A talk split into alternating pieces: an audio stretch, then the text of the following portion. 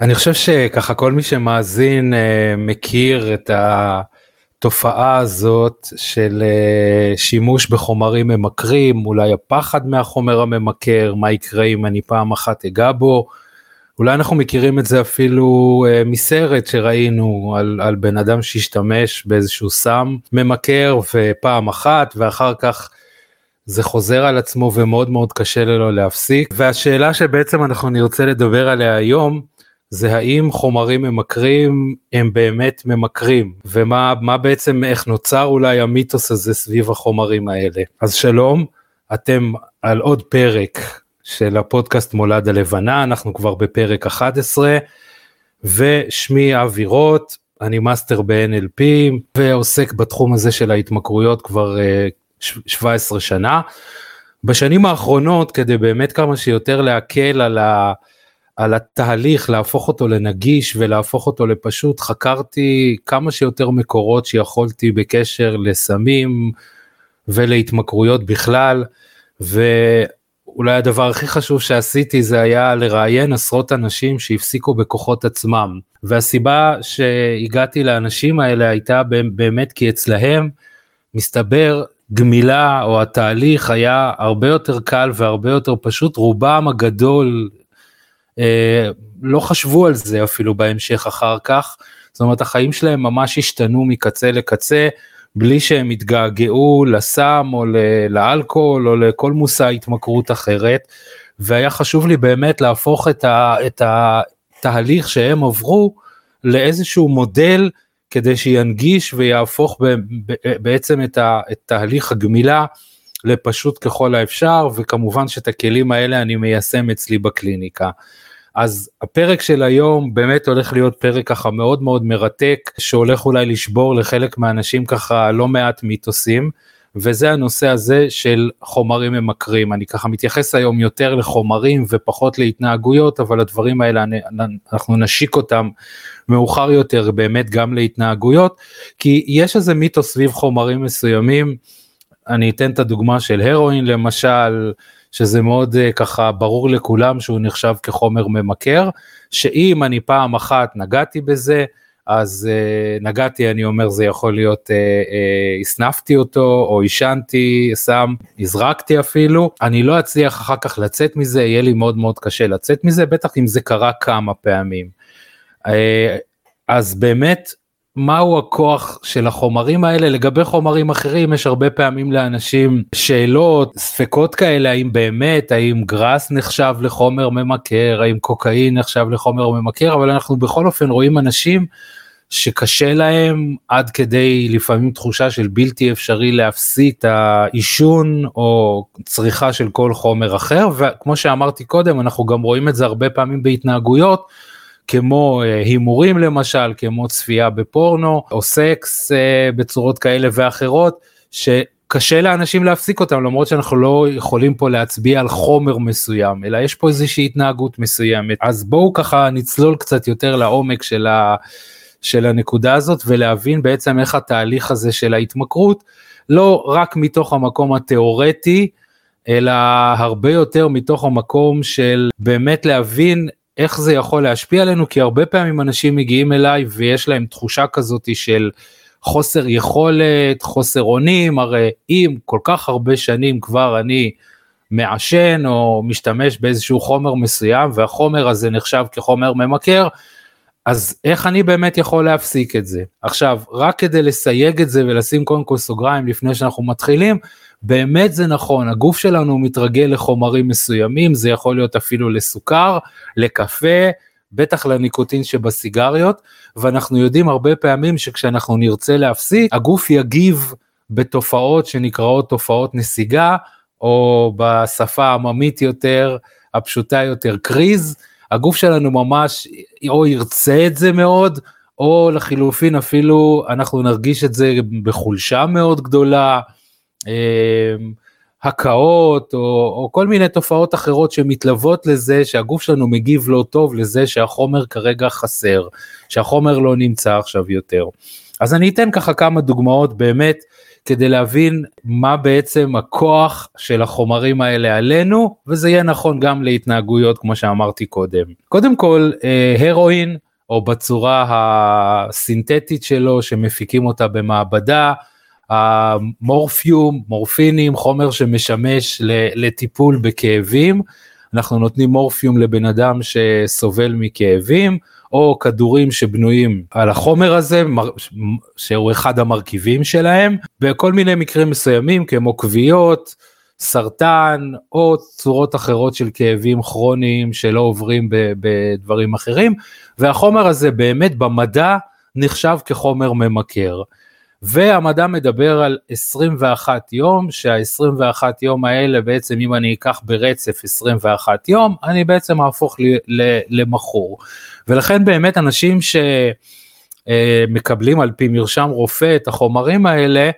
הרופאים משתדלים לעשות הפסקות באמצע, לא להגיע לרצף של 21 יום כדי לא ליצור את ההתמכרות הזאת. אבל יש מקרים בהם באמת עצם זה שהחולה יהיה כרגע תחת כאבים, יפריע לטיפול שלו, יזיק לטיפול שלו, לא ייתן לטיפול אה, אה, להיות כמו שצריך, ולכן אין ברירה וחייבים להמשיך את, ה, את השימוש בחומר הזה, את, ה, את הנטילה של, של החומר המסוים, גם מעל 21 יום. במקרים בהם הכאבים הם מאוד חזקים, או כמו שאמרתי, לפעמים זה אפילו יפריע לטיפול אחר כך, לא יהיה אפשר לטפל בבן אדם, או הכאבים לא ייתנו לטיפול, ואז אין ברירה, ובעצם נותנים את השימוש בתקופות של יותר מ-21 יום ברצף, מה שהיה אמור ליצור בעצם לא מעט מכורים, באחד המחקרים שנעשו לקחו מגוון של חולים במגוון של בעיות, במגוון של אה, מקומות טיפול ובעצם דגמו אותם, בדקו אותם תקופות בתקופה שבה הם לקחו את החומר הזה וכמובן אחרי שהבעיה נפתרה והם השתחררו מבית חולים, כמו למשל הבדיקה הזאת נעשה, נעשתה על ידי אנשים שסבלו מכוויות, שאלה כאבים מאוד מאוד חזקים, כאבים ש, שהם כתוצאה מגידולים סרטניים, או צורות אחרות של כאבים כרוניים שהיו לאנשים והם לקחו את התרופות האלה במשך זמנים ארוכים הרבה יותר מאשר 21 יום וכאשר הטיפול הופסק והם uh, השתחררו מבית החולים או הפסיקו את הטיפול רצו לבדוק האם או כמה מהם באמת ימשיכו אחר כך רק מעצם העובדה הזאתי שהם מכורים והתוצאות במקרה הזה uh, הצביעו על כך שבין חמישה אחוזים לשלושה אחוזים מכלל אלה שלקחו את התרופה למשך זמן ארוך, בעצם התמכרו לתרופה ובאמת או עברו אה, אה, קריז או אחר כך המשיכו להשתמש בה כחלק מההתמכרות הזאתי ואנחנו מכירים את כל הסיפורים על האופיאטים ועל כדורים משככי כאבים אבל עוד פעם עדיין האחוזים לעומת מה שהיה צריך לקרות הם עדיין אחוזים מאוד מאוד נמוכים אני כמובן לא אומר לאף אחד עכשיו לרוץ ולהשתמש, אלא באמת ללכת ולקחת כל דבר אחר שאפשר, שפותר בעיות של כאבים או בכלל, כי א', אף אחד מאיתנו לא יודע אם אנחנו ניפול לחמישה אחוז האלה, וב', אנחנו לא רוצים להזיק לעצמנו, אנחנו באמת רוצים להישאר בריאים ולחפש פתרונות שהם הולמים יותר, אם זה לכאבים ואם זה לכל, לכל דבר אחר. אז יש בזה איזשהו סיכון ואנחנו לא רוצים לקחת את הסיכון גם אם מדובר באחוזים נמוכים אבל לענייננו לגבי המיתוס הזה גם אם נטלתי משהו שהוא חזק כמו מורפיום ולקחתי אותו למשך תקופה ארוכה כי לא הייתה ברירה כי הייתי חייב את זה לצורך ההחלמה שלי הבריאות שלי עדיין הסיכוי שזה יהפוך אותי למכור הוא קטן מאוד. עוד פעם אמרתי שלושה אחוזים בערך עד חמישה אחוזים ולפעמים אפילו פחות מזה במצבים מסוימים, כאשר אנשים נרפאו מהסרטן או הכוויות, או אה, הפסיקו בעצם, הכאבים החזקים הפסיקו להיות שם, הם רובם הגדול, כמעט כולם אפילו אפשר להגיד, לא חזרו לזה, הפסיקו את זה ולא חזרו לזה. אז כבר יש כאן משהו שככה מערער לנו בעצם את הכוח הזה של החומרים האלה שאנחנו קוראים להם חומרים ממכרים. וגם אני ככה מחבר למה שאמרתי קודם, כי ככה שכחתי את זה. חלקים הפיזיים בדרך כלל, כמו שאנחנו מכירים אותם, זה יכול להיות בהפסקה של קפה, זה יכול להיות בהפסקה של סיגריות או של כל סם אחר. החלקים הפיזיים הם בדרך כלל הדברים שעוברים מאוד מהר, והם היותר קלים. דווקא התלות הרגשית והנפשית שאנחנו נדבר עליה בהמשך, היא זאת שממשיכה עליו והיא זו שבעצם יוצרת אותנו והופכת אותנו למכורים. אז בואו נדבר על עוד איזשהו ניסוי שככה ימחיש את הדברים האלה בצורה עוד יותר חזקה אפילו. הניסוי הזה מתחיל בעצם בניסוי מאוד מאוד פשוט, חולדה שחיה בתוך כלוב קטן, נתנו לה שתי אופציות, צד אחד של הכלוב היה אוכל ומים ובצד השני היה אה, סם, אם אני לא טועה אפילו מסוג של קוקאין. וחולדה היא בעל חיים מאוד מאוד סקרן, היא אוהבת לבדוק גם דברים, לא מכירה אותם, והיא באמת ניגשה פעם אחת לקוקאין ופעם אחת למים ולאוכל, מכאן והלאה, אחרי שהיא טעמה משניהם, היא בעצם הלכה כל הזמן לקוקאין, הזניחה את עצמה, הזניחה את האוכל שלה, את הבריאות שלה, הפכה למה שנראה התמכרות. החוקרים או אלה שראו את, ה, את התופעה הזאת בעצם אמרו דבר מאוד מאוד פשוט, חולדה וכנראה גם בן אדם, אם אנחנו נציע לו אופציה כזאת של סם שעושה לו מאוד מאוד טוב ולעומתו אנחנו נציע לו צרכים בסיסיים, כמו אוכל, כמו מים, חיי חברה או כל מיני דברים אחרים, יבחר לחזור חזרה אל הסם, והנה יש לנו כאן הוכחה שהסם ממכר. אבל כאן נכנסו חוקרים אחרים ואמרו רגע יש פה משהו שקצת פוגם באמינות של הניסוי הזה או באמינות של התוצאות של הניסוי הזה. חולדה היא בעל חיים מאוד סקרן, מאוד זקוק לאתגרים, מאוד חברתי. חולדות חיות בלהקות, הן ממש מתפקדות כמו איזושהי להקה, אה, ממש חיי חברה, ולכן כשאנחנו עושים לה את זה כשהיא בודדת, אנחנו לא מגיעים אולי לתוצאות, אבל בואו נבדוק את זה. ומה שהם עשו, הם בעצם גידלו במשך שישה שבועות שתי קבוצות של חולדות. קבוצה אחת גדלה בתוך כלובים כמו בניסוי הקודם, כולנו מכירים את הכלובים האלה של העכברים הקטנים האלה, עדיין הסמים עוד לא נכנסים לתוך, ה, לתוך המשוואה הזאתי, משהו כמו שישה שבועות, שישה שבועות בחיים של חולדה זה, זה משך זמן ארוך מאוד, וקבוצה שנייה של חולדות גדלה בפארקים של חולדות. מה זה נקרא פארקים של חולדות? אלה היו כלובים מאוד מאוד גדולים, היו בהם אה, חולדות זכרים, חולדות נקבות, היה אפשרות אה, אה, להזדווג, היה, הייתה אפשרות לנהל חיי חברה, היו שם כל מיני מתקנים שבעצם אתגרו את החולדות ונתנו להם גם אתגר מנטלי, גם אתגר פיזי, משחקים, כל מיני דברים שהם הכניסו לתוך אותו אה, פארק חולדות האלה, וגם אותם הם גידלו שישה שבועות, עדיין ללא סמים. בשלב מסוים אחרי אותם שישה שבועות, החוקרים מערבבים את הקבוצות האלה ומעבירים חצי מחולדות הפארק לכלובים, וחצי מחולדות הכלוב לתוך הפארק. זאת אומרת, כרגע יש לנו ארבע קבוצות, קבוצה אחת גדלה בכלובים והיא חיה גם היום בתוך הכלוב, קבוצה שנייה שחיה גדלה, סליחה, בכלוב ועכשיו היא חיה בתוך הפארק, קבוצה שלישית שגדלה בפארק, היום היא חיה בתוך אה, כלוב, וקבוצה רביעית שחיה בפארק, גדלה בפארק, הייתה כל הזמן בתוך הפארק. הם רצו לבדוק קצת האם לעבר יש איזושהי משמעות מאיפה הם הגיעו בעבר הקודם שלהם, ושוב פעם נתנו להם להיות שם משהו כמו שישה שבועות, וכאן הכניסו לתוך הניסוי הזה בעצם את הסמים, הציעו להם מעבר לאוכל ומים, הציעו להם גם אופציה של סמים. וכאן התברר משהו חדש לגמרי, החולדות של הפארק, ללא קשר לאיפה הם היו קודם, השתמשו או נצ... צרכו את הסמים ברמה של 16, זאת אומרת אני אגיד את זה הפוך, חולדות שנמצאות כרגע בכלובים ללא קשר לאיפה הם היו קודם, צרכו סמים פי 16 יותר מאשר החולדות שהיו בפארק. את החולדות של הפארק זה הרבה הרבה פחות היה מעניין. האם לעבר הייתה משמעות איפה הם גדלו קודם? משמעות מאוד קטנה, כמעט זניחה. בעיקר הייתה משמעות למקום שהם נמצאים בו בהווה. וכאשר בעצם, וזאת אחת המסקנות של, ה, של המחקר הזה, ניתנו לחולדות כל האמצעים שהם בעצם היו צריכות על מנת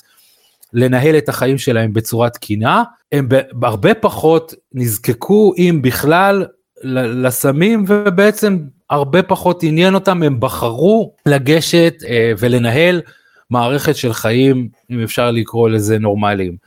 וכאן החוקרים הגיעו בעצם למסקנה שכאשר אנחנו נספק לאדם את הצרכים הבסיסיים שלו, והצרכים הבסיסיים הם לא רק הצרכים הפיזיים, אלא גם הצרכים הנפשיים, רגשיים, יש לבן אדם את כל מה שהוא צריך, הוא יבחר לא ללכת לסמים, אלא ללכת לחיים הנורמליים, יבחר בעצם בלנהל כמה שיותר חיים בריאים וטובים. אז אם ככה, למה אנחנו בעצם מתמכרים? מאיפה זה בעצם מגיע? ושוב פעם, אני חושב שככה אני חוזר על זה הרבה לאורך פרקים קודמים, וגם אני אגיד את זה היום, היכולת שלנו, של המוח שלנו, המוח שלנו מאוד מאוד מתוחכם, המשמעות שהוא נותן לחומר המסוים, היא זאת שבסופו של דבר תקבע עד כמה בעצם אני יהפוך להיות מכור או עד כמה אני אתמכר ועד כמה לא. אנחנו מכירים את זה בכל המחקרים שנעשו לגבי פלסבו. פלסבו זה כאשר עושים איזשהו ניסוי בתרופות ונותנים לאנשים אה, תרופת אה, ניסיון, בוא נגיד זו תרופה לכאבי ראש, ויש שלוש קבוצות בדרך כלל, קבוצה אחת שלוקחת את התרופה, קבוצה אחת שלא לוקחת את התרופה, כולם סובלים מכאבי ראש, ממיגרנות, והרבה פעמים לוקחים קבוצה שלישית ונותנים לה כדור דמה. הכדור הזה מכיל בתוכו קמח או איזשהו חומר שהוא בעצם נורא נורא דומה ל, ל, לתרופה מבחינה חיצונית אבל אין לו שום השפעה ורוצים לבדוק בעצם האם מה המשמעות או מה, מה התועלת שהתרופה נותנת לעומת בן אדם שחושב שהוא לקח תרופה אבל לא באמת לקח תרופה. ואז התברר שאחוזים מאוד מאוד גדולים, לפעמים אפילו עד כדי 70 אחוזים מהאנשים שצרכו פלסבו כזה, תרופת דמה, בטוחים שהם לקחו תרופה ולכן הם גם הרבה פחות סובלים מכאבי ראש, או למשל בתרופות נגד דיכאון, אחוזים מאוד גדולים של האנשים האלה, עבור להם הדיכאון רק מעצם הידיעה שהם לקחו תרופה ולמרות שהם לא לקחו תרופה, ויש אפילו איזשהו ניסוי שעוד יותר הלכו ושכללו את, ה, את הדבר הזה ומה שעשו בעצם זה שנתנו לאנשים שני פלסבו. פלסבו אחד אמרו להם שזה עולה אה, נגיד דולר לכדור ואת הפלסבו השני אמרו להם שזה כדור מאוד מאוד חדש שהוא כדור שעולה 10 דולר כדור כזה ממש ח... והתברר שהשפעות כשבן אדם ידע שהוא לוקח כדור שהוא יותר יקר וכנראה כתוצאה מזה גם אולי משפיע יותר חזק התוצאות היו הרבה יותר טובות אנשים הושפעו מהחומר הרבה יותר ויש באמת אני ככה לא רוצה יותר מדי להרחיב ולהעריך אבל אנשים שקיבלו שתייה והיו בטוחים שיש בה אלכוהול והתנהגו כמו שיכורים או אנשים שקיבלו אלכוהול אבל נאמר להם שזה ללא אלכוהול והם לא קרה להם שום דבר כתוצאה מזה. זאת אומרת להשפעה ולערך שאנחנו נותנים לחומר המסוים בראש שלנו מכירים את המשפט הזה בטח הכל בראש אז כן לא יודע אם הכל אבל הרבה מאוד בראש. יש לו השפעה מאוד מאוד גדולה על התוצאה שתהיה. ובתהליך ההתמכרות זה לא רק החומר כי עוד פעם אני דיברתי הרבה פעמים גם הזכרתי פה במהלך הפרק הזה את כל הנושא של התנהגויות. אז גם להתנהגות וגם לחומר המסוים אנחנו נותנים להם ערך מסוים. והערך הזה נקבע הרבה פעמים על סמך השימוש הראשון או הפעמים הראשונות שבהם עשינו את מה שעשינו ואת התחושה, ההרגשה שזה יצר אצלנו. אני אתן את זה בדוגמה שזה יהיה באמת הכי פשוט להסביר את זה. אם, אה, ואני אומר ככה משהו שבאמת מישהו שהגיע אליי ככה לקליניקה וסיפר לי על התחלת העישון שלו של הגראס, עכשיו הוא אמר לי אני בעצמי ממש מעשן בכמויות מאוד קטנות, ממש לא רוצה להתמסטל, זאת לא המטרה שלי, אבל נורא כיף לי שיש לי את זה. וכשככה ישבנו וחקרנו מאיפה כל הנושא הזה התחיל, אז הוא באמת סיפר לי שבשלב מסוים בתיכון הוא היה פחות מקובל, חבר'ה, הוא הרגיש את עצמו מאוד מאוד בודד, ואז הוא מצא את עצמו עם החבר'ה, אני אומר את זה ככה במרכאות, הבעייתיים, יושב חצר של בית ספר, באיזה פינה ומעשן איתם וויד, ובעצם העישון הזה של הגראס הפך אצלו לאיזשהו חיבור ערך למשמעות זאת אומרת הנה אני חשוב מציעים לי מכבדים אותי אולי אפילו כהפגת בדידות הנה אני לא מרגיש יותר לבד והצורך שלי בתחושה הזאת בלהרגיש את התחושה הנעימה הזאת בעצם ילך ויחזור וכל פעם שאני ארגיש את הבדידות אני ארצה אולי מחדש לחזור חזרה אל התחושה הזאת. זה יכול להיות שאם אני סבלתי מחרדות למשל, ולקחתי תרופה מסוימת, אה, או סם מסוים, או התנהגות מסוימת, והחרדות פסקו באותו רגע, כי הייתי עסוק, או כי הדבר הזה נתן לי איזו תחושה של אופוריה כזאת, או של רוגע, כדי לא להרגיש פחד מעתה והלאה, יהפוך להיות פה באיזשהו מקום איזשהו טקס מסוים, שכדי לא להרגיש פחד, אני חייב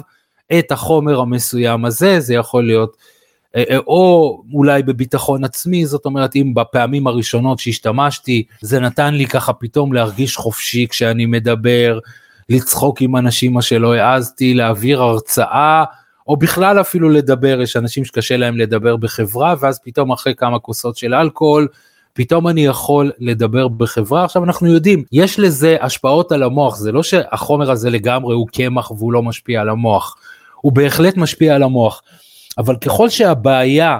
שהחומר הזה פתר, או ההתנהגות אפילו, אני יכול להגיד את זה גם בפורנו, יש אנשים מסוימים שאני פוגש אצלי בקליניקה, שפורנו יוצר אצלם איזושהי תחושה שהם לא לבד יותר, שהם מתחברים אה, אה, לאיזושהי אה, אהבה מסוימת, אני יודע כמה שזה נשמע מוזר האהבה הזאת היא מעבר למסך, אבל עדיין איזו תחושת חיבור או אהבה. עוד פעם, כי מדובר, הרבה פעמים הדברים האלה נוצרו בגילאים צעירים, ואז הרצון לא להרגיש לבד, או הרצון הזה להתמודד אולי מול קושי מסוים, גורם לי לחזור חזרה אל ההתנהגות הזאת המסוימת. יכול להיות שבפעם הראשונה שישבתי בקזינו, הרגשתי כמו מלך העולם, אחרי הרבה פעמים שלא הרגשתי, או אולי אף פעם בחיים שלי לא הרגשתי כמו בן אדם חשוב, או בן אדם שמעריכים אותו, והנה אני פה ליד השולחן, ומשרתים אותי ומכבדים אותי ומתגלגל פה המון כסף, והרבה פעמים מהמרים מספרים אפילו על החוויה הזאת הראשונה או אחת הראשונות של ההצלחה שפתאום וואו אני ברגע אחד יכול להפוך מבן אדם שבקושי היה לו כסף למישהו שיש לו עכשיו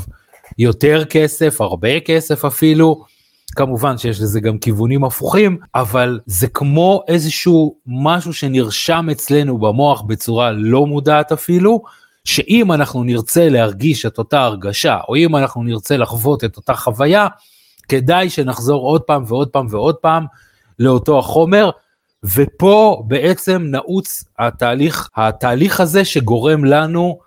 להפוך למכורים או להתמכר, ועוד פעם, לאו דווקא הרבה פחות לחומר כמו להרגשה או לעוצמה הזאת שה, שהחומר הזה או ההתנהגות הזאת נתנו לי. למה זה חשוב לנו בעצם לדעת האם זה החומר או לא החומר? אחד הדברים ש, שכאשר אנחנו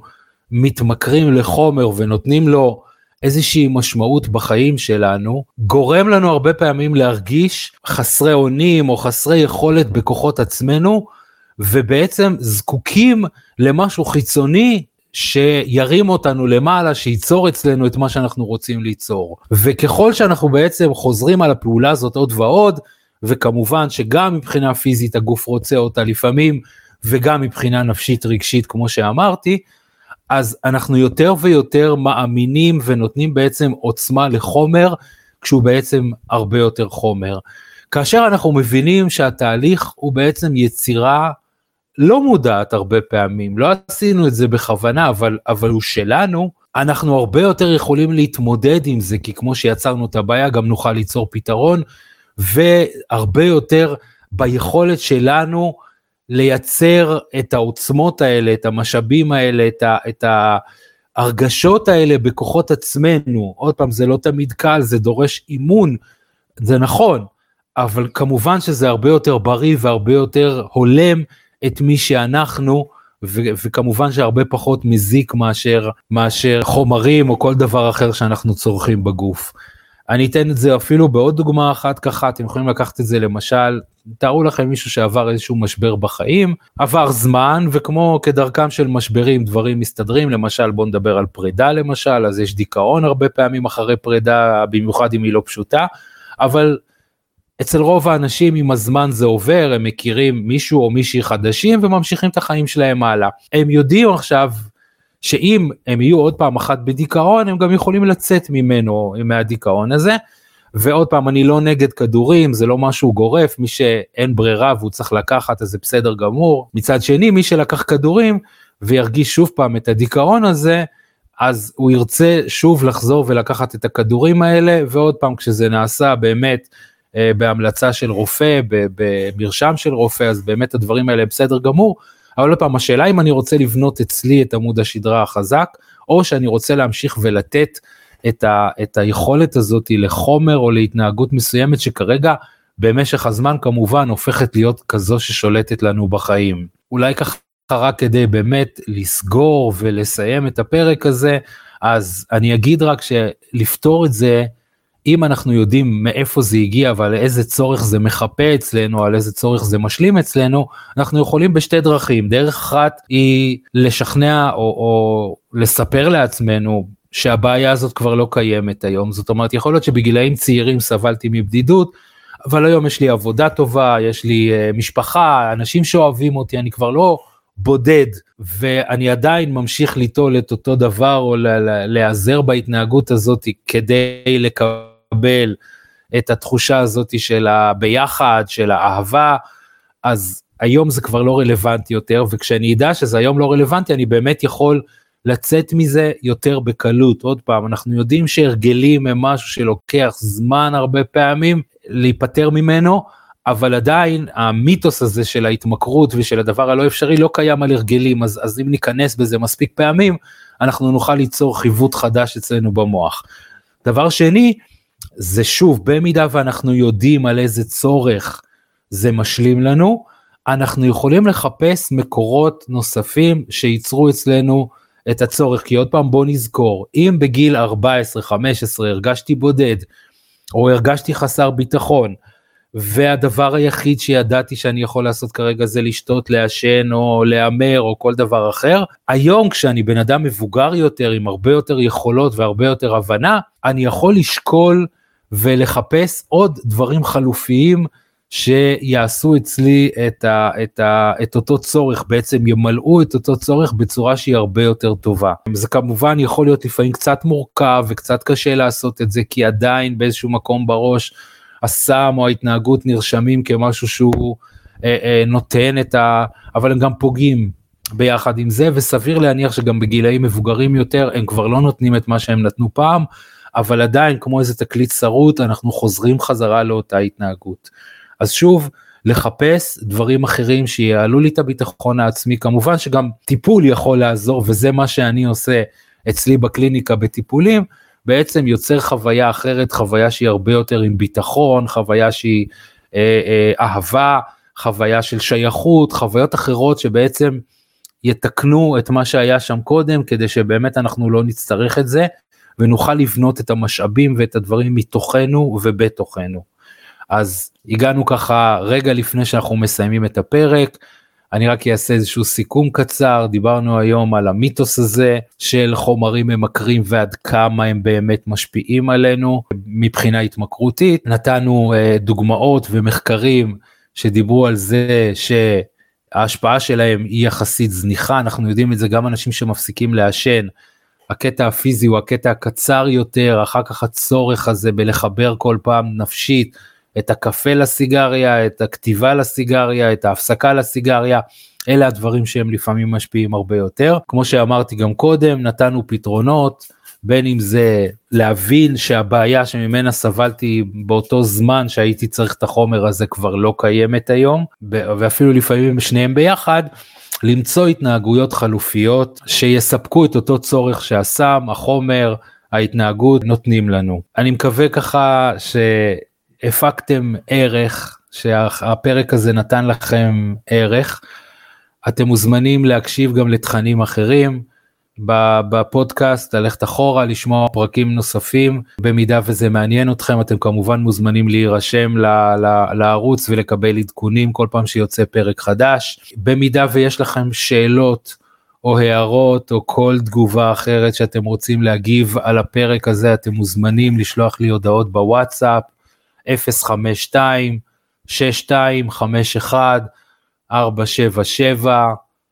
אני אשמח ואני משתדל ככה לענות בהקדם לכל מי שמגיב, שואל או מעיר איזושהי הערה. שוב פעם להגיד לכם תודה רבה שהייתם בפרק הזה, שהאזנתם לפרק הזה, אני מקווה שהפקתם ממנו ככה ויצאתם ממנו עם ערך